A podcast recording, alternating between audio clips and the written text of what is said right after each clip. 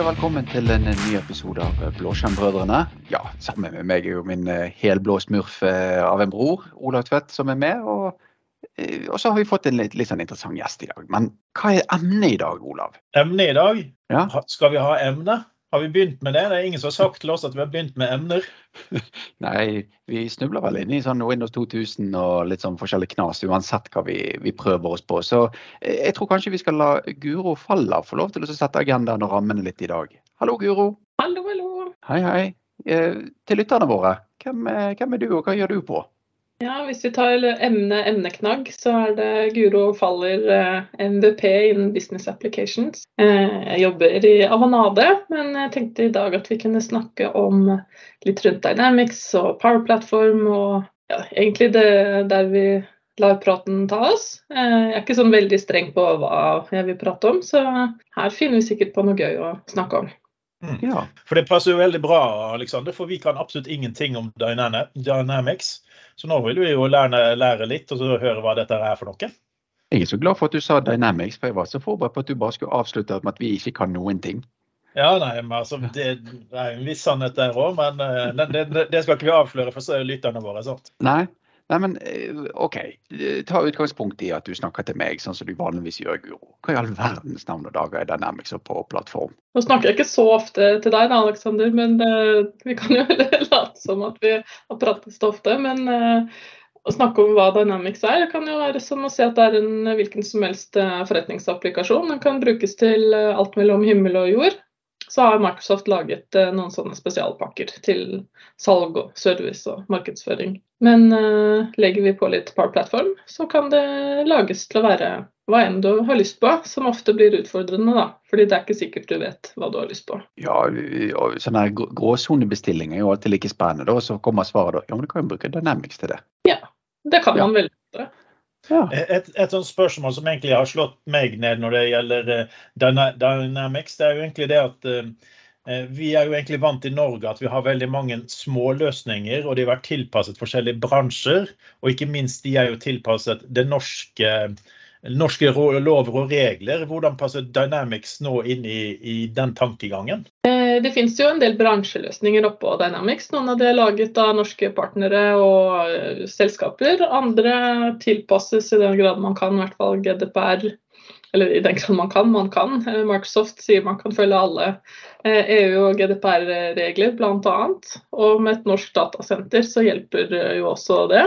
Eh, Men det kan jo bli litt stort, litt amerikanisert, litt eh, voldsomt. Og da lønner det seg jo i hvert fall å vite internt de som bestiller, hvilke forretningsprosesser man har og skal eh, støtte. ja, så det det er egentlig det å begynne å kartlegge bedriften og hva de har, før du egentlig setter i drift noe nytt, som jeg svaret her også. Har ikke vi snakket om sånne ting før, Olav? Jo, ikke sant.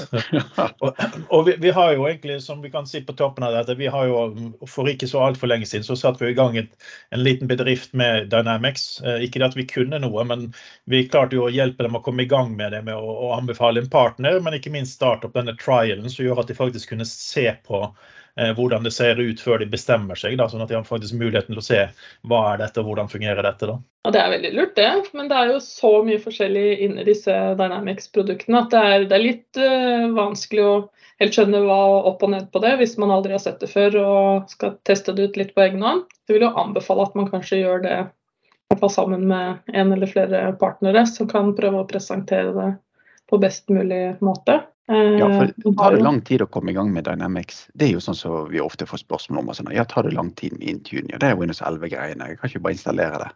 Jo, altså man kan jo bare installere det. Det går på en dag, da. Men eh, det er ikke sikkert at det passer de prosessene man har i et uh, norsk selskap. Litt avhengig av industri.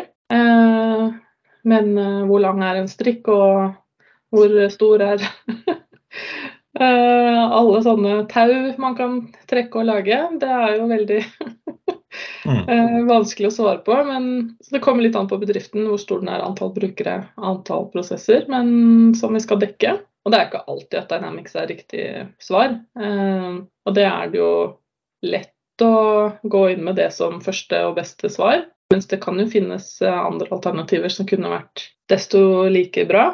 Veldig mye Det er jo litt som å skulle lage seg uh, alt i Lotus Notes som man en gang gjorde. Det er ikke alt man skal dytte inn i et nytt system, bare fordi man kan. Mm. Og Det er vel der den modulære oppbygningen om at du har HR-moduler, du har diverse moduler og sånne ting. Sånn. Så det kan jo hende at det er noe for alle, eh, men hvilken modul er fornuftig for deg? Sant? Og hva, hva, bør du gå på en mer bransjerettet eh, løsning for, kanskje? Ja, og så er det jo En ting er at hovedappene på en måte innenfor Dynamics er jo mer sånn eh, forretningsprosess. Noen driver med salg, noen driver med service. Eh, noen er ute i feltet, noen driver kanskje med markedsføring noen driver med HR. Eh, så kanskje man trenger flere apper. Kanskje man trenger at de jobber på tvers av, av prosessdriverne da, internt. Eh, samtidig kanskje man har eh, litt enklere eventuelt behov, eller som man like gjerne kan bygge selv da, med Power Platform. Eh, hvor det da ikke er lisensiert på samme måte som et SAS-produkt, for da bygger du på en måte produktet ditt selv. Mm. Men som eksempel på Power Platform, hva, hva, hva vil du typisk ha gjort inni For Power Platform kjenner du jo litt til med Power BI og litt sånn, sånn forskjellige ting. Er det, er det, mest i den sammenheng for å få ut rapportene du vil bruke Power Platformen, eller er det, er det for å lage rutiner i bakkant? Eh, ja takk, begge deler. Det er vel kanskje det beste svaret. Men for Power-plattform er jo flere elementer. Eh, så både Power BI for rapportering, eh, Power Automate for prosessering, automatisering. Egentlig ja, et rent RPA-verktøy kan man bruke det som, men også som en slags integrasjons Eh, tjeneste eh, hvis man skal flytte mye data hit og dit. Så er det PowerApp som kan være grensesnitt, forretningsapplikasjoner. Alt fra å slå opp en kunde til å føre et, føre et notat. da. Mm. For der tenker jeg Det er jo kanskje en av de største fordelene det med, med PowerApps-tilpasningen. sånn at Du får ikke en ferdiglagd klient. Eh, du får jo det òg, men, men, du kan få en klient som du kan få forenkle ned til den rollen de som skal bruke den, kan få. sånn at det er liksom, ja, Du har to knapper. Eh, det ene er det, den handlingen du pleier å gjøre, og den andre er når du skal avslutte noe, f.eks. Istedenfor ja. sånn hvor du av og til må gå inn i en avansert, kompleks app og prøve å finne settingene du trenger, så kan du faktisk bare få det helt ned på minste prikk på de letteste nivåene. Ja, og det er, er dette litt sånn no code, low code-oppsett, egentlig? Ja. Begge deler kan jo være det, både Dynamics og Park Platform. Mens Dynamics den er jo egentlig ferdig koda, da, annet enn det man trenger å gjøre på toppen, som ikke er ferdiglagd av Microsoft. Mens en PowerApp kan du jo bruke egentlig drag and drop, og så kan du skrive litt formler, sånn som du ville gjort i Excel eller noe lignende. Og så kan du gjøre mer kompliserte ting, eller så er det å Eh, bruke da ferdig grensesnitt som kommer hvis man skal ha typ, egentlig, litt sånn databehandlingsoppgaver. da. Lister mm. og uh, over kunder eller saker eller salg og ja. Der var det masse alarmer som plutselig popper opp over meg. Liksom, du sa så mange ting at jeg må bare eh, registrere alt sammen her, virker det som. Så der fikk jeg en alert på det òg, sant. Våkne opp og følge med. Eh, ja, eh, men tilpasningen eh, Hvis vi tenker en, en nyoppstartet bedrift da, Vi har jo hatt noen sånne økter i det siste hvor vi har snakket om, eh, om nyoppstartet, at det er lettere å komme i gang. Eh, og selvfølgelig vil jo det være en stor fordel her også. Eh, for at du har ikke historikken av å ta med deg eh, de gamle systemene inn. Men, men, for andre igjen så vil det jo være det at de har kanskje noe de vil ta vare på pga. gamle systemer og sånne ting. Er det, er, er det, sånn at man kan importere, eller lever man Absolutt. Ja. Kan importere alt ditt hjerte ønsker. Eh, og veldig ofte så er det sånn at man Det kravet man får, da, er at ja, vi vil at det skal se ut som og fungere som det systemet vi hadde før. Eh, og da er det kanskje spørsmål å stille hvorfor skal vi da bytte til et nytt system hvis det skal bli akkurat likt. Men man kan jo ta med seg all historikk om det er kundeoppføringer eller annet. Eh, og selvfølgelig kan det være raskt å komme til god verdi da, hvis man er nyoppstarta. Det er kanskje der vi ser at de eh, industricloudene til Microsoft passer kanskje absolutt best for en helt nyoppstarta bedrift enn en som er allerede etablert, har en del infrastruktur, har en del eh, ting som svirrer og går enten on premise i skyen allerede, hvor man kanskje allerede har de tjenestene som man da får av denne industriplattformen. Så det er ja. Eh, ja. Ja, ja. for det er alltid litt sånn moro når folk skal ta med seg et eh, sånn skikkelig kjerrelass med gammelt uh, gøyt, og de skal flytte det med inn. Men er det så uproblematisk at Dynamics støtter alt. Så uansett hvilket dinosaur-ERP-applikasjon du har fra gammelt av, så er det bare til å dundre det inn i Dynamics, eller er det der man gjerne møter litt utfordringer også? Eh, du møter nok litt utfordringer der, for det er ikke sikkert at de er samme filstruktur eller eh, datafelter eh, ikke har samme oppbygning. Om du skal gå fra tekststreng til et, uh, opps et opsjonssett, da. så er ikke det bare bare å pukke inn. Du må jo da designe hva skal bety hva i et nytt system. Og så må du jo ha laget system så du kan ta vare på all denne dataen. da. Enten både lagringsplass, men også at det finnes noe logisk på andre enden som kan ta det imot. Eh, og så lage store migreringsjobber. Jeg har vært med på å migrere alt fra to millioner e-poster, eh, som ikke var sånn super happy path. Eh, både fordi det er mye vedlegg og det er mye de kundene fins kanskje ikke lenger, man har ikke de e-postadressene lenger, de brukerne som sendte de jobber ikke der lenger. Hva skal man mappe dataen til i et nytt system, eh, som avsender og mottaker og alt sånt. Der, eh, det lønner seg å stille seg noen spørsmål. Trenger vi all denne dataen? Skal vi arkivere noe av denne dataen? Hva må vi faktisk ha i denne fagapplikasjonen til enhver tid? Eller kan vi rapportere på det fra et annet sted? Ja, dette er jo en gjengående problemstilling. og Hvis man begynner å utvide dette med veldig mange forskjellige moduler og applikasjoner, som du sier, og du kan jo risikere at én type data er pliktet å slettes etter seks måneder, mens andre type data er pliktet å ta vare på i ti år. Men det er inne i én og samme Dynamics-verden. Og jeg tror favorittepisoden til Olav var når han eh, ryddet i gamle ringpermer hos en kunde og fant noen jobbsøknader fra 90-tallet. Eh, så, så det, det, er veldig vanskelig å holde tungen rett i munnen når du bare tar og blåser inn 40 år med gammel historikk inn i et nytt system. Du bør jo klassifisere dataen din på vei inn, da, eventuelt på hva som er, eh, skal lagres lenge og ei, og lage gode regler for det. Det er ting man kanskje ikke gjorde før. enten å, hver gang man den, den uh, harddisken ble full, så erstattet man med, den, med en større en, eller brente diskettene etter tid, men det er jo litt annerledes når det bare automatisk eh, utvides eh, lagringsplass i skyen. Ja, så er det kanskje Litt av fordelen her det er jo faktisk det at når du importerer den gamle dataen din her, så kan du faktisk sette på de regelsettene som du har definert, sånn at du kan begynne å slette det du egentlig ikke har lov å ha liggende. Så mm. for veldig mange av de gamle systemene man eh, har, de har jo ikke de GDPR-modulene eller eh, ting der, så man kan faktisk få ryddet opp en god del ting, sånn, sånn som vi snakket om i disse ringtermene vi fant. Men vi fant jo tilsvarende filmengder rundt omkring på områdene til, til, alle som jobbet med noe som hadde med personalting å gjøre. da, Som fant jo disse, en eh, kopi av de samme søknadene fra 90-tallet. Ja, du likte å bli ja.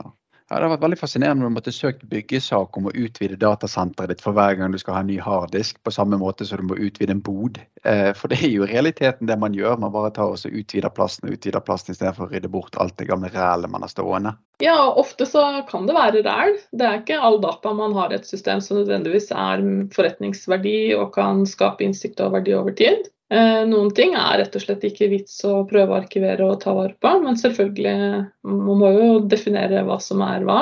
Eh, akkurat, eh, akkurat Olav sitt tror jeg det er ganske mye fornuftig, men, men jeg tror ikke jeg skal ta oss en titt i min mailboks. jeg hadde faktisk min gmail her begynte å gå og bli full, så jeg måtte ta en liten ryddejobb. da. Og hvordan skal du gjøre det? Skal man gjøre det per år og bare si at alt etter dette er ikke noe vits å ta vare på lenger? Eller skal man du, du, går ned til et visst sted, så tar du skift kontroll end, og så sletter du alt som dukker opp eh, nedover der. Så. Ja, jeg gjorde datas, datosøk, da, så jeg gikk til, fant en fornuftig dato i 2012 eller noe sånt, og sletta alt etter, før det. Og så gjorde jeg sånn sekvensielt oppover til jeg begynte på den. Nå begynner det å bli litt relevant her, nå kan vi kanskje la det ligge. Mm. Kan hende jeg må finne en kvittering jeg en gang har uh, brukt til noe. Ja, men der, der, kommer vi faktisk inn på den største utfordringen føler jeg, med disse migreringer av bedriftsdata, da, eller bedriftsinformasjoner. Eh, for det kan godt hende at eh, noen mener at eh, denne typen data den er veldig viktig for våre moduler, for hvordan vi skal tenke og lage strategi fremover. Men det er ikke sikkert du har lov til å ta vare på dem. Så, så det, det, det, nytter ikke å bare si at for oss er det fornuftig at vi vet 20 års historikk til alle kundene våre. Ja, men du har ikke lov å ha den historikken. Sant? Du har kanskje bare lov å ha eh, seks måneder for alt, alt du vet. Hvis ikke må du sø søke konsesjoner osv. Det, det, det er der jeg føler at elektronikken kan komme inn og hjelpe. Da, at man kan faktisk si at dette har vi ikke lov til, så det må bort, sånn at du slipper å få disse bøtene. Og ikke minst uheldige situasjoner som vi ser kan oppstå pga. at man ikke har vært flink nok i lagringen sin. da. Eller at man rett og slett eh, lager arkiveringsregler da, som enten maskerer, eh, anonymiserer eller gjør noe annet med dataen, så man fortsatt har statistikken. Det er bare ikke knyttet til meg som et individ, da, eller identifiserbart. Mm. Eh, det er jo en mye bedre måte å løse det på, da. Utfordringen er jo det at disse ikke-anonymiserende tingene som gjør at du finner igjen dataene. sant? Den gangen Ja, hva var det vi snakket om med Guro den gangen, Olav? Nei, det er helt umulig å spore tilbake, for Guro er blitt eh, anonym. Så, mm. så det, det, det, er jo det som gjerne er en utfordring med at du tar vare på data, men så gir den ikke mening.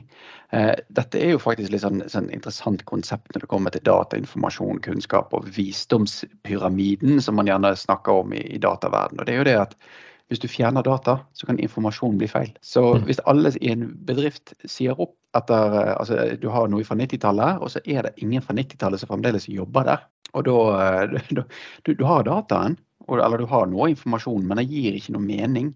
For, eh, for det som er blitt anonymisert, er sensurert bort. Og da mangler man rett og slett konteksten, da. Mm. Nei, det er jo selvfølgelig Hvis det er anonymisert eller strippet for all kontekst, da. Det er jo lett å ta kanskje for mye.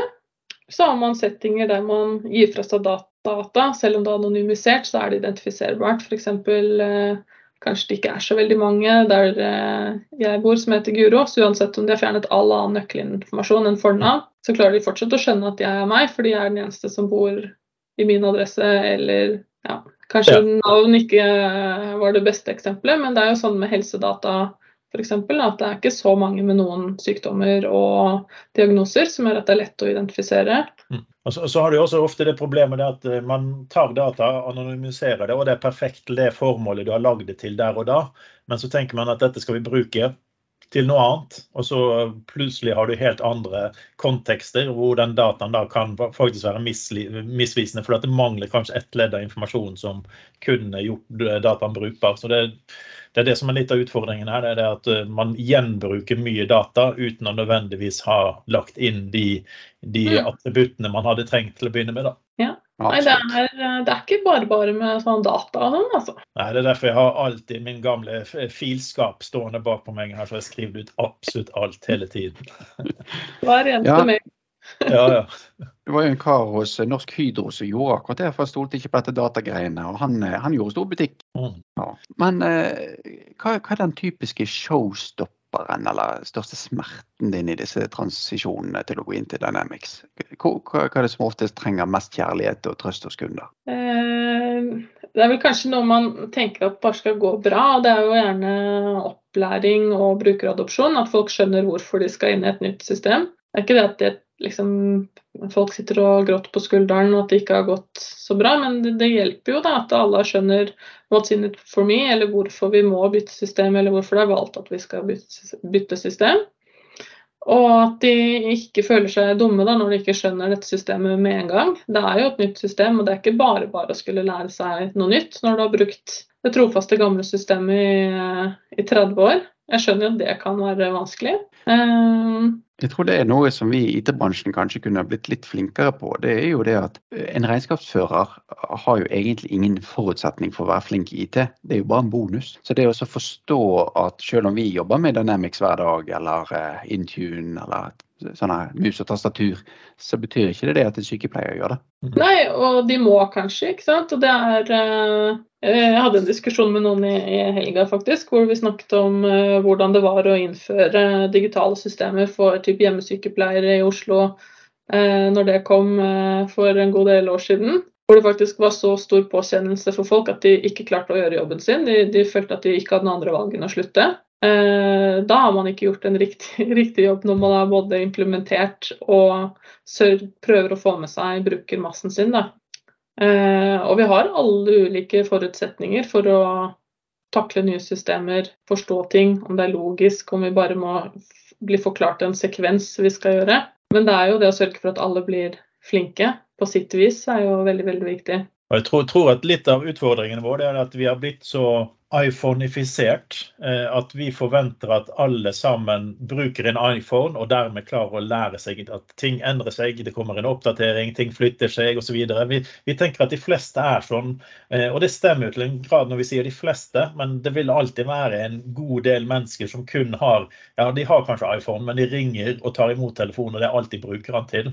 Eh, så de er ikke så flinke til å få den digitale hverdagen som vi andre nødvendigvis har lært oss. Da. Så vi, vi liksom forutsetter Eh, vår, vår, vår, oppfatning av brukerne er veldig lik de vi omgås med som mennesker. Og vi omgås mest sannsynligvis ganske tekniske mennesker hele tiden, så vi, vi fort undervurderer eh, behovet for å lære opp de som la oss si 20% som kanskje faller utafor denne her at ja, vi elsker teknologi, vi sitter her og patcher opp og er glad når vi får en ny funksjon på iPhone eller Eh, Android-phone eller hva det skal være. Men, men, hele verden er jo ikke sånn. Jeg syns det var litt skjønt at du brukte iPhoneifisering, for jeg gjorde akkurat den jobben i går med å bevege meg bort fra iPhone til en eh, Surface Duo 2. Og eh, hvis den prosessen er en brøkdel av smerten til å gå fra gammelt regnskapssystem til Dynamics, så ja. Vi skal jo spise litt av disse tingene sjøl, da. Ja, det er, det er, nok eh, sunt en gang iblant å måtte lære seg et nytt system eller en ny prosess og kjenne litt på de smertene. Eh, og så er det jo stor forskjell på om man skal eh, bruke på en måte 10 av et system, eller om man må lære seg 110 for man skal være en, en ekspert eller noe sånt. Og det er eh, så lenge man sørger for at de liksom, kjerneoppgavene noen skal gjøre, sånn som å ringe og sende meldinger, er forstått. Hvis vi tar og fortsetter iPhone-eksempelet, mm. så er det jo ikke sikkert at jeg forstår hvordan jeg skal gjøre det på en Android, en Huawei og en eh, Samsung og eh, noe mer. Og mm. det, det fins, i hvert fall med Dynamics, der fins det ofte, eh, som kanskje er delvis av utfordringen nå, veldig mange måter til rom. Eh, og veldig mange måter å gjøre akkurat den samme prosessen på, som gjør at det er forvirrende for folk. og Derfor må vi sikre god bruker forståelse, av adopsjon, opplæring, og dette må repeteres ofte nok. da. Og der, der, tror jeg også PowerApps kommer inn som en stor styrke. For tilbake til det der bare ha de knappene du trenger, kontra det å ha et digert system hvor du skal bruke 5% av funksjonalitetene. Så det, det, det, er ikke sikkert du skal ha det på telefonen engang, men det er bare at du vil lage en, en webside som lar deg få de få valgene de fleste brukerne får opp. Så heller lage flere apps som gjør at uh, konsollet til forbrukeren er tilpasset forbrukeren, enn, enn å forvente at han skal lære seg en fullverdig Dynamics-løsning. Ja, og husk at vi kan, eh, kan jo tilpasse det mest uansett hva man bruker. Det er eh, man trenger ikke se flere knapper enn man har bruk for å bruke. Mm. Så er kanskje noe, noen prosjekter glemmer litt, og rett og slett gjør det enklere eh, totalt. da. Så enkelt. Eh, keep it simple, uh, stupid. er jo like relevant i, i, dag. Det er fortsatt et begrep som man har litt for lett til å se over. og bare tenker at nei, vi, jo, vi må jo få gjort det, og vi må jo kunne gjøre dette og vi må jo gjøre sånn. Men forbrukerne så tenker ikke de sånn. Så, så gode gamle KISS fungerer fortsatt. Ja. ja også, Til og med 70-tallsbandet, men også konseptet i IT. Hvert fall det. jeg syns det var litt sånn slående du nevnte dette med altfor mange knapper. Da. Jeg husker jeg leste, en, eh, jeg leste en bok av en forfatter jeg ble kjent med da, på en konferanse. og han, han, eh, han, hadde tatt utgangspunkt i svensk helsevesen og, og sånt. Da. Og en av de tingene han gjorde, var å gå gjennom systemene som de brukte på et sykehus. Og til slutt så, så han jo det at det var flere forskjellige måter å skrive inn fødsels- og personnummer på. Mm. Noen steder så måtte du skrive måned og så dato. Noen steder måtte du skrive dato og måned. Og du fikk ikke feilmelding hvis du prøvde å skrive inn måned nummer 13. Dataene bare forsvant. Men den mest ondsinnede versjonen var faktisk i en butikk. For der var det forskjellige eh, tastekombinasjoner for å gjøre forskjellige operasjoner forskjellige steder i butikken. Så det som betydde da på en vekt én plass, var kontrollprint for å veie og printe prislapp. Det betydde lukk og ikke lagre i kassen. Så hvis du gikk fra ferskvaredisken og vant til den hurtigtasten, så var det krise hvis en kunde da handlet for 2000 kroner og skulle, skulle bare gjøre en hurtigtast. Men, men det, det, problemet har de jo fortsatt til og med i Asher i dag. Eh, for eh, der inne er det umulig å si om hvilket format han viser datoene på. Så jeg er glad for å gjøre alt den 15. og utover i morgen. Og så prøver jeg å ta fri de to første ukene, sånn at det ikke skal skje noe på det som kan Eller de, fra den 13. utover blir det da. Sant? Hvor måned, og dag er vanskelig å se. For det blir veldig ofte sittende og tenke hm, er det måned som er først nå, eller er det dag? Er det engelsk, eller, eller er det amerikansk, eller er det norsk? Sant? Så vi har fortsatt den eh, bristen der alle steder, for det er ikke alle systemer som klarer å hente inn informasjon.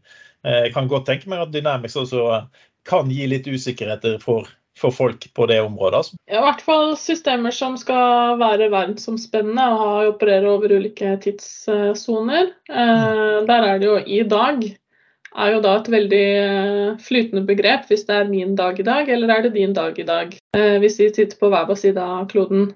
Mm. Eh, og da hjelper det jo at vi har lokale innstillinger da, som gjør at min dag i dag er denne tidssonen. Og så får du en din dag i dag pluss forskjellen. Mm. Men dato, dag, eh, klokkeslett er jo alltid veldig gøy. Det jeg ser på Twitter om dagen, så er det en diskusjon med svenske Jonas Rapp og et par andre med hvordan man skal skrive dato- og tidsformater. Eh, så det er jo noe som opptar veldig mange. mm. I de fleste tilfellene så bruker du jo visningskalender bare for å være sikker på at du gjør det rett, istedenfor å skrive inn datoen, for da kan du ta feil. Så Derfor er det bedre å trykke på kalenderikonet, sånn at du kan velge dag, dagen i dag. For den, den, er aldri feil. Og jeg er veldig glad for at jeg har hatt den fødselsdatoen jeg har hatt da jeg har vokst opp, så jeg slipper å tenke på det. For jeg har samme tall på begge to. Uh, så Så jeg føler meg superheldig der. Som hver gang jeg fyller ut noe, så spiller det ingen rolle om jeg tar måned først eller dato, dato først. Jeg tror dine foreldre planla dette veldig nøye. Ja, veldig, veldig nøye. Ja. Og så har jeg fått meg en samboer som har akkurat det samme, bare måneden etterpå. Ja. Eh, så vi har det bare simply, simplified. Det er noe du må tenke på Alexander, når du kommer så langt. Ja, det er lurt å legge planer for dette umiddelbart. Men, men det, det, jeg bare, bare sittende her og tenke på det at vi har klart oss i ca. 200 år med tidssoner. altså Oppfinnelsen av tidssoner, datolinjer, kom jo som følge av jernbanen. Du klarte å bevege deg såpass fort at det spilte ingen rolle hvor middag var lenger, for et middag kunne du ha flere ganger for dagen. Eh, og nå har vi da egentlig klart oss å si at tidssoner det er helt irrelevant. ja, og så er det jo i hvert fall nå som vi jobber digitalt, og det er jo bare å passe på om hvis jeg prøver å booke et møte med deg, og du hadde bodd i USA eller Australia, at jeg forstår om du er våken eller ei. Det er kanskje det viktigste for noen. Ellers så bryr du seg ikke om det heller og bare booker inn noe. Eh, så det, det, hjelper jo i hvert fall at vi har et forhold til hva tiden er, da. I ulike deler av verden. Mm. og så er vi veldig heldige. Jeg, jeg, så på en uh, TV-serie her, her, i sted som heter Dinosaurs, som nå ligger på Disney TV. Eh, og sønnen i huset, da, det alle er dinosaurer. da. Eh, og sønnen i huset han, han, han, skjønte ikke dette med årsberegning. For at i år er det 60 millioner og tre år, men neste år blir det jo 60 millioner og to år. Hvorfor teller vi nedover? så, så, det er mange som er forvirret over dataformat og angivelser. Jeg har lest litt om uh, faraoer uh, her, og da er det jo det samme. Det er bare litt nærmere uh, null ja. enn dinosaurene. hva i all verden er det vi teller ned til? ja. Jeg syns det er veldig, veldig, artig det at vi, vi begynte så, så, smått om å snakke om agendaer og plan for hva vi skulle snakke om, og her er det dinosaurer og faroer. ja, ja, ja. Det var det som var på agendaen, var det ikke det? ja. Altså Når du har det skatt, skattekammeret til en farao, så må du jo ha et system som holder orden på hva du har av skatter. Jeg liker også å se Guro kommentere hieroglyfer til CSV-format, altså. Ja, men det CSB kanskje ikke, men det må jo gå an. Det, de har vel gjort noe digitalisering for å forstå hva lage alfabeter og sånt av gamle hieroglyfer. Mm. Så det kan godt hende at noen har gjort det allerede. Jeg har ikke tenkt å prøve å lage det fra bunnen i hvert fall. Jeg, jeg synes det hadde vært gøy hvis du hadde hatt en, en, oversetter av det i Dynamics, sånn at når du sender rapporten til, til skattevesenet eller til hvem som skal la, gå gjennom regnskapet ditt, så får de alltid hieroglyfer. Så må de oversette for å finne ut hva det er. Da tror jeg jeg hadde fått den i retur ganske fort. Kan prøve, kan prøve på neste reiseregning, Aleksander. Jeg er på vei. Ja. Dynamics, skal vi se. Here we come. Ja. Nei, men jeg tror vi har fått ganske bra innblikk i, i litt av uh, Dynamics. Og uh, ikke minst hvordan du kan utvide det ganske langt. Uh, jeg, har jo inntrykk av at Dynamics nesten er Asher. Altså det, det, er så mye rart inni der at det er veldig vanskelig å, å, si at eh, vi kjører Dynamics. Det er vel sånn at du kjører komponenter av Dynamics, og så har du et uendelig hav av muligheter i tillegg. Ja, det er jo veldig godt sagt. Så uh, veldig mye av Dynamics bruker jo alt fra kognitive tjenester, uh, Asher-funksjonalitet uh, som er bygd, og egentlig bare satt i system som et SAS-produkt, så du slipper å sette de sammen selv. Mm. Mm. Jeg syns det var veldig fint at vi fikk et slag for sluttbrukeren. Tenke litt på de. Ja, vi må få noen jeg håper ikke slag oftere, men noen må kjempe deres sak i hvert fall oftere. Mm. Helt, det, helt sant. Det er vel det som er suksessen for å, å, migrere over til et nytt system, uansett hva det er. Det er jo faktisk at du tenker først og fremst på brukere, og så kan du begynne å tenke på funksjonalitet eh, når du har tatt høyde for brukerne som skal bruke funksjonalitet. Ja, i hvert fall det jeg liker å si, er at man skal tenke på den verdien de skal ut av det. Ikke nødvendigvis tenke på at eh, Kari syns det er best når alt er eh, lister, og så syns Per at alt er best når det er bokser. Ikke tenke på de på den måten, men hva er det de skal ha ut? Og mm. designe systemet deretter.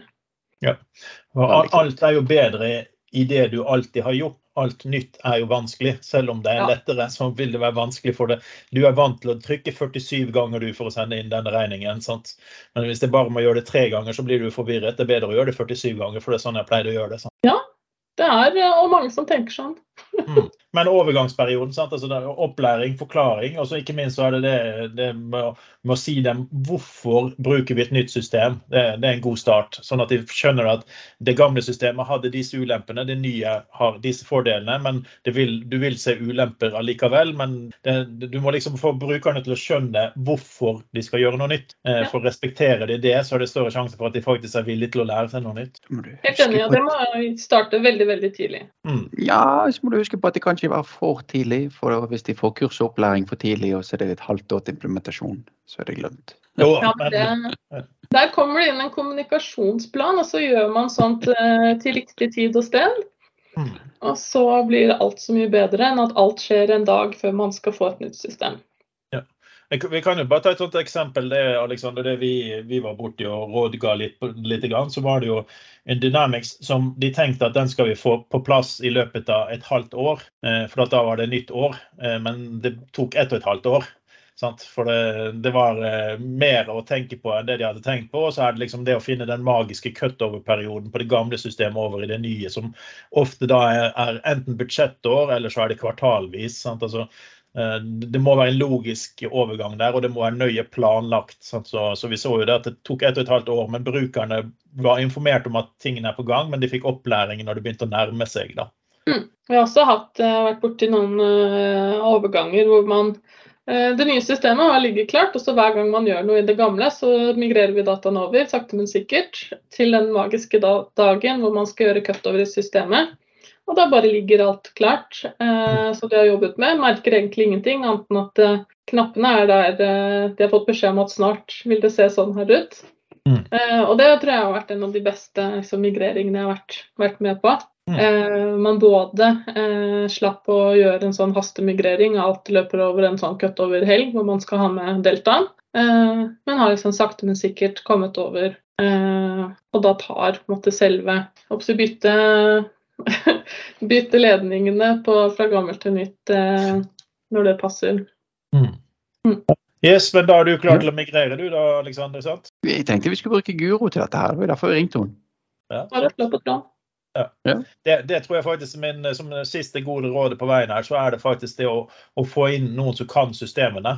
Eh, og hjelpe deg, eh, sånn at man kan lage en god plan. Så, så, jeg tror ikke de fleste bedrifter har ikke lurt av å prøve å gjøre dette internt. De må få tak i noen eh, spesialister som Guro, som kan komme inn og hjelpe dem. For det første få tak i ekspertene for å forklare hva er produktet, hva kan det gjøre og hva er begrensningene.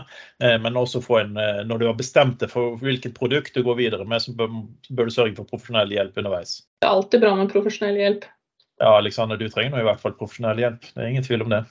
Oi, du er så snill. yes, men da skal vi si takk for i dag. Så var det veldig hyggelig at du tok deg tid til å være med oss, eh, Guro. Jo, takk for at jeg fikk eh, være med. Veldig gøy å møte noen som fortsatt vet hva blodskjerm er. Ja, ikke sant? Ja, den er god. Ha det godt. Ha det godt, ja.